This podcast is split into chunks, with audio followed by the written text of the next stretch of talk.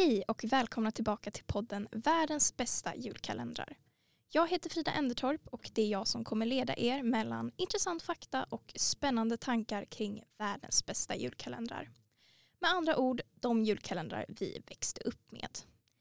I de här avsnitten så kommer jag gå djupare in på en specifik julkalender och diskutera saker som mina egna erfarenheter av kalendern, om eh, själva papperskalendern och andra roliga anekdoter. Idag kommer jag att prata om en av de populäraste julkalendrarna som har visats på SVT. Jag nämnde denna i förra avsnittet och har ni inte hört det så lyssna gärna på det. Det är dags att prata om Sunes jul. Sunes jul sändes 1991 och följer den nu välkända tjejtjusaren Sune Andersson och hans familj. Manuset skrevs av författarna till Sune-böckerna, Sören Olsson och Anders Jakobsson. Det finns ingen supertydlig handling utan kalendern kan beskrivas mer som en eh, slice of life-serie. Varje avsnitt visar ett knasigt upptåg i vardagen och avsnitten är mer fristående där familjen Andersson står i fokus. Familjen Andersson består av mamma, pappa och tre barn. Pappa Rudolf är en ganska typisk sitcom-pappa. Han är snål, klantig och får lätt panik och när han har satt sig i en pinsam situation så försöker han i första hand alltid bortförklara det. Mamma Karin är en eh, småslarvig dam som eh, är lite lekfull och som är en trevlig påminnelse om att vi kvinnor inte måste vara perfekta hela tiden. Stora syster Anna definieras enbart efter att hon gillar killar med moppe och lillebror Håkan definieras enbart som busig och störig. Vilket inte är så konstigt då kalendern är från Sunes perspektiv. Mycket händer i Sunes liv under december. Julklappar ska inhandlas, knäck ska kokas, luciatåg ska gås, julgran ska huggas och julafton ska firas. Såklart lyckas familjen strula till det på sitt eget sätt. Den här julkalendern fick faktiskt lite av en eh, rough start kan man säga. 1991 så var det egentligen planerat att julkalendern skulle handla om Barna Hedenhös. Men SVT fick inte ihop den kalendern. Och i slutet av 1990 fick Anders och Sören frågan om de ville skriva en julkalender om Sune och hans familj snabbt som 17. Vilket de gjorde. Det är svårt att tro att en av de populäraste julkalendrarna mer eller mindre stressades fram. I förra avsnittet av den här podden nämnde jag att Sunes jul och Mysteriet på Greveholm har som ett battle om vilken som är den mest populära julkalendern. Det har gjorts omröstningar och båda kalendrar har hamnat på första plats. Eh, och det nämnde jag ju också i förra avsnittet. Jag kan tänka mig att många som har vuxit upp med Sunes jul har nyligen blivit föräldrar och eh, de ser till att deras barn också får växa upp med Sune. Så jag antar att Sunes jul kommer att leva vidare en, ett bra tag till. Redan i första avsnittet märker man att kalendern har en eh, lite speciell stil och ton. När familjen Andersson ska ta ett familjefoto passar Håkan på att prata direkt till publiken.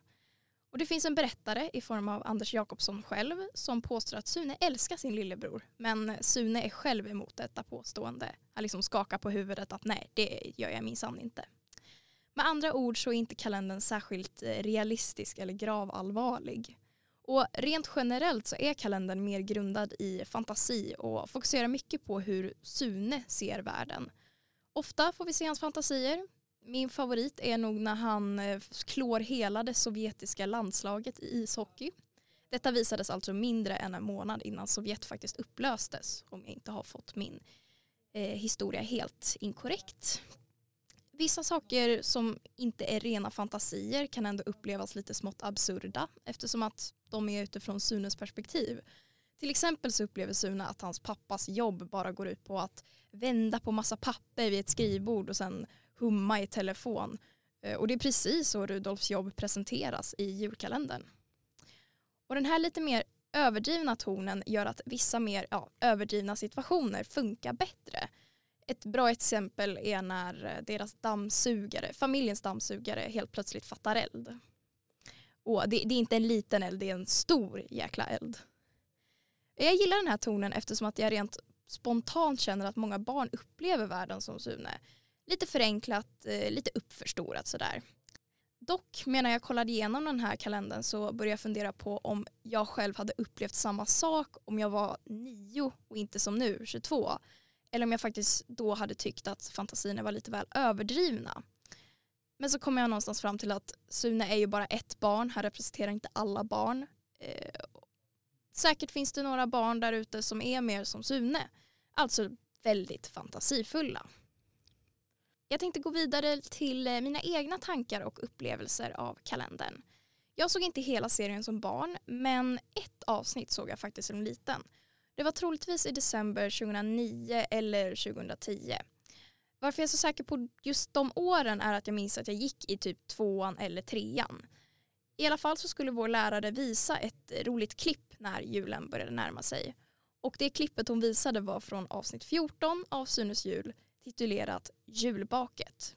Och det som händer i det här avsnittet är att familjen Andersson ska koka knäck och baka pepparkakor. Pappa Rudolf tar på sig arbetet med knäcken men spoilers, såklart kokar den över och Rudolf råkar tappa ut allt över golvet. Samtidigt så försvinner pepparkaksdegen och Håkan skyller på att det var en liten tomte som var framme och snodde den. Men självklart så är det ju Håkan själv som har gömt pepparkaksdegen i sina strumpor. Och jag vet inte om det beror på min bakteriefobi men jag tyckte alltid att det var så himla äckligt att han hade lagt degen just i strumporna och att familjen sen bara använde den. Jag hade liksom inte velat ha Håkans tåbira över mina pepparkakor. Just saying. Men i alla fall, efter att jag såg det här avsnittet i skolan som liten så tog det några år för mig att kolla igenom hela Sunes jul.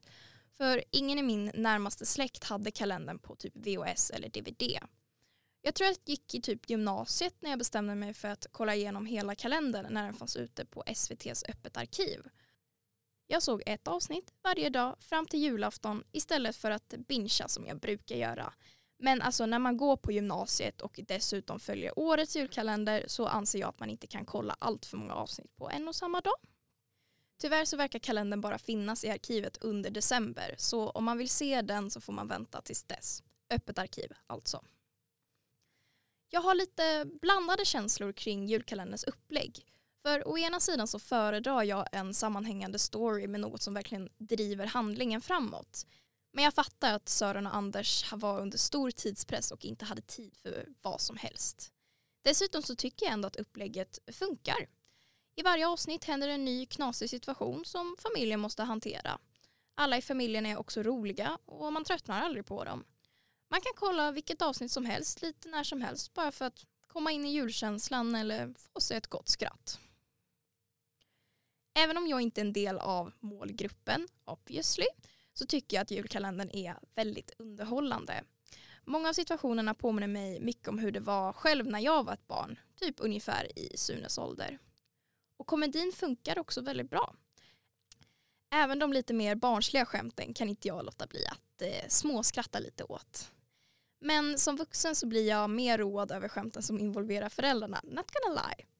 Nog för att alltså jag kan relatera mycket mer till dem. För mycket humor utgår från att de är väldigt stressade och eh, försöker liksom hantera sin kaosiga familj på bästa sätt. Jag är inte förälder själv, men som stressad student så skulle jag gärna göra som Rudolf ibland. Bara liksom skrika ut min frustration. I relate. Något som jag uppskattar är att de här karaktärerna känns väldigt realistiska eh, fast de existerar i en komedi med en ja, överdriven ton. Och Det jag menar är att alla i familjerna är smått kaosiga men inte på ett sätt som gör att de upplevs liksom för överdrivna. Eh, de känns typ som riktiga människor. Dessutom som har de tydliga karaktärsdrag som driver humorn framåt.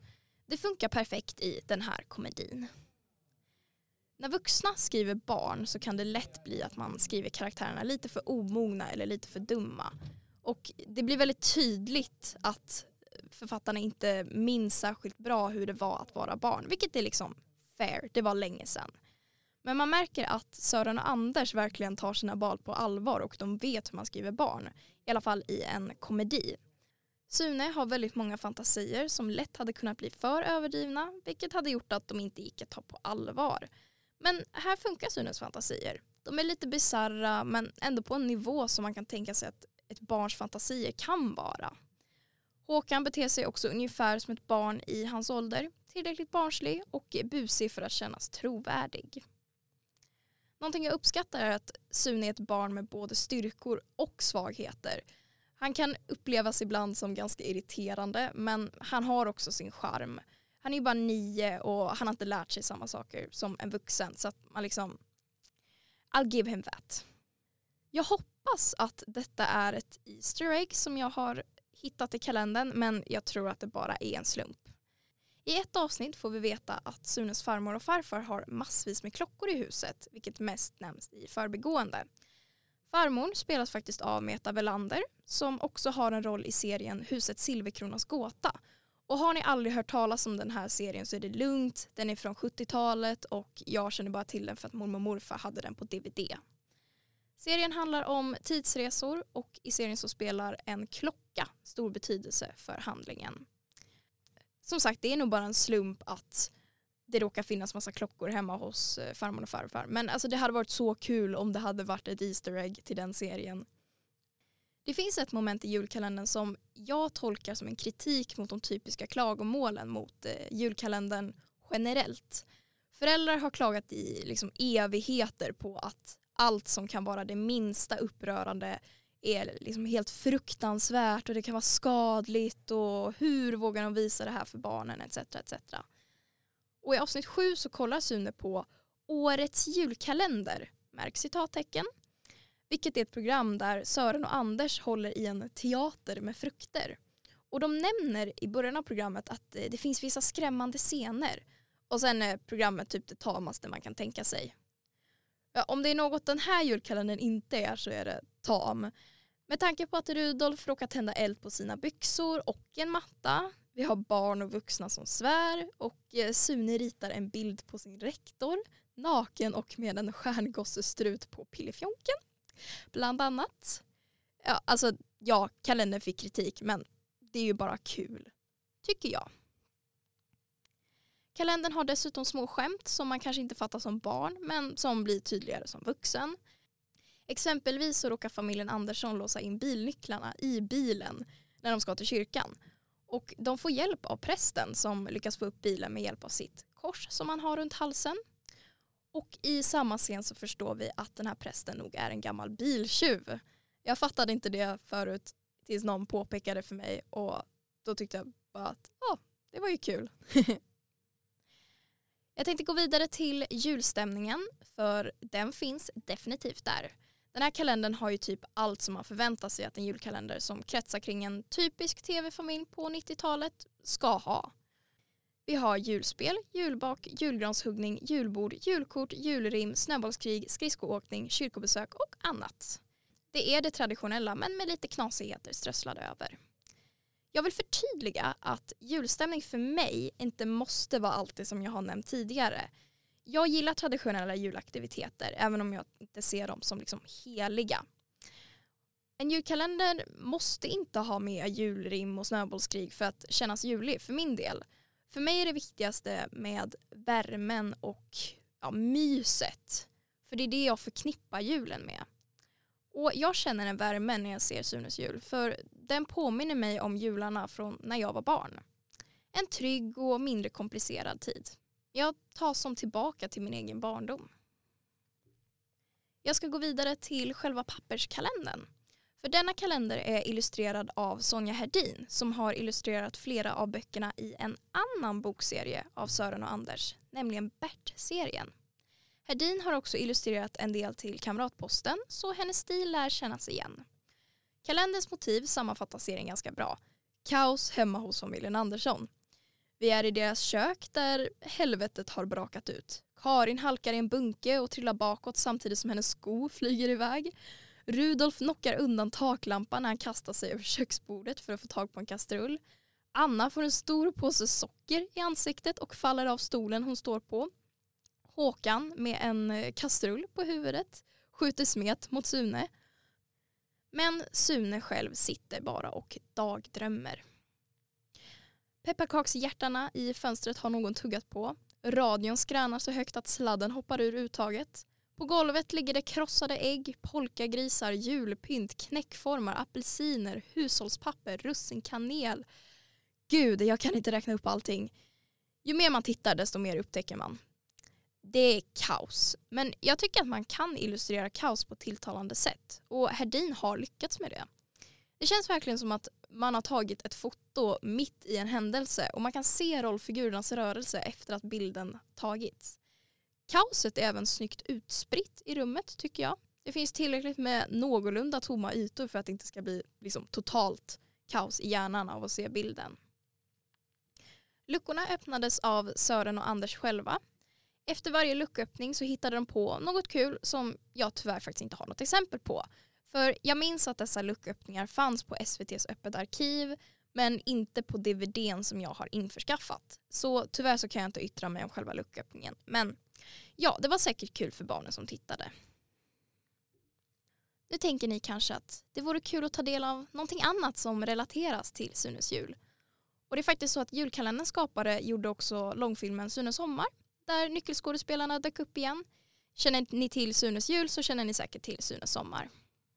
Filmen handlar om eh, familjen Anderssons campingsemester där mycket knas sker. Wow, vilken eh, överraskning. Jag måste få nämna att mitt favoritcitat från filmen är Lakritsbåtar, får man ta? Nej, för i helvete! Ja. År 2023 så har det kommit ut en massa material som utspelar sig i Sunes universum. Självklart finns ju böckerna, hela 43 stycken nu senast jag kollade. Och vill man inte läsa om Sune kan man läsa någon av de 19 Håkan Bråkan-böckerna. Sen så finns det ju sex andra filmer om Sune och två, snart tre filmer om Håkan Bråkan om jag inte minns helt fel. Så räknar vi med den tecknade serien Sune och hans värld och den nya serien om familjen Andersson på SVT så har vi en hel del material att grotta ner sig i. Det finns till och med en dansk Sune-film om någon är intresserad. Eh, jag kanske har missat någonting men ja, det är nog det mesta i Sunes universum. Nu undrar ni kanske, vart har skådespelarna från Sunes jul tagit vägen? Peter Haber spelade pappa Rudolf i kalendern och jag försöker komma på någon annan roll som han har gjort förutom Martin Beck men det är inte lätt. Så jag tog en tur till Wikipedia och då upptäckte jag att han har spelat Bamse i några av de nyare Bamse-filmerna. Lite kul. Och när vi ändå är inne på jultemat så har Haber varit med i julfilmen Tomten är far till alla barnen jag har faktiskt inte sett den här filmen men jag planerar att hinna med den innan jul. Karina Lidbom spelade mamma Karin och tror det eller ej men Lidbom har också en koppling till en känd svensk deckare. hon spelade nämligen i två Wallander-filmer slash serier från 90-talet.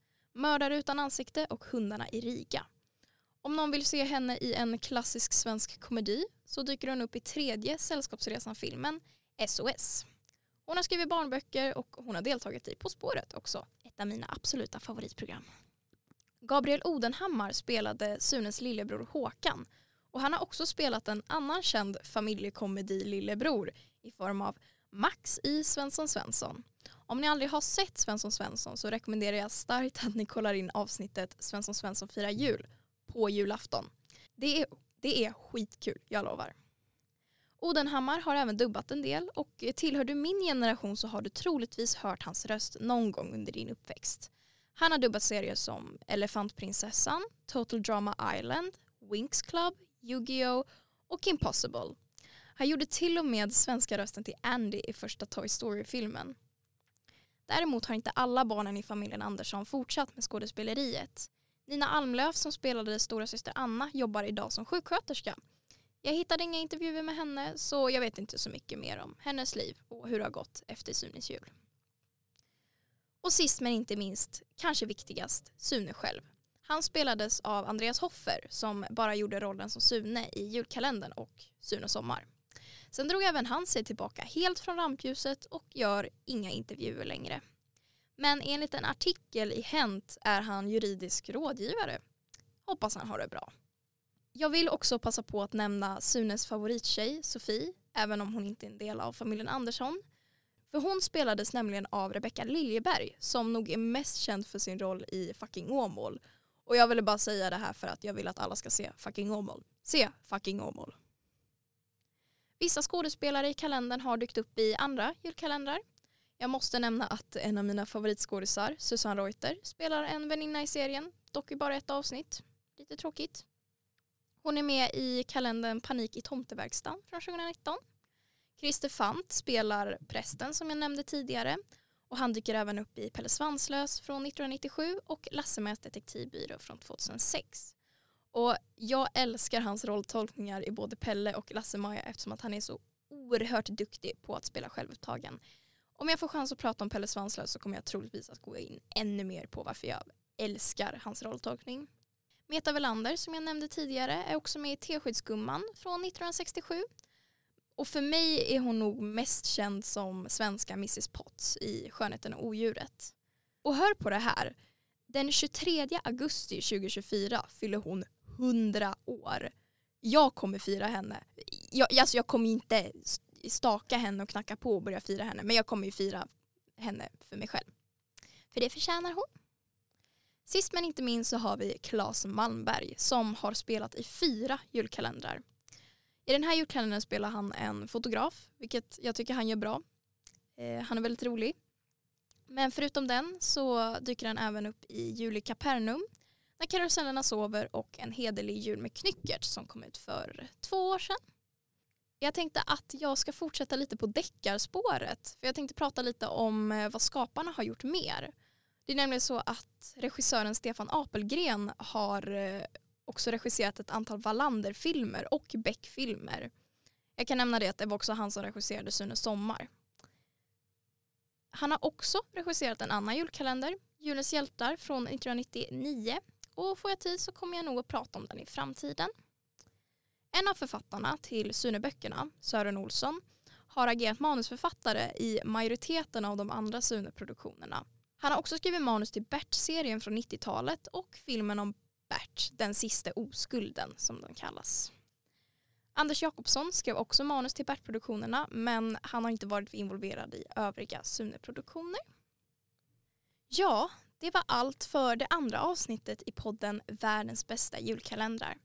Inför nästa avsnitt så kommer jag att hoppa framåt i tiden till ett år då jag faktiskt var född. Året jag pratar om är 2013.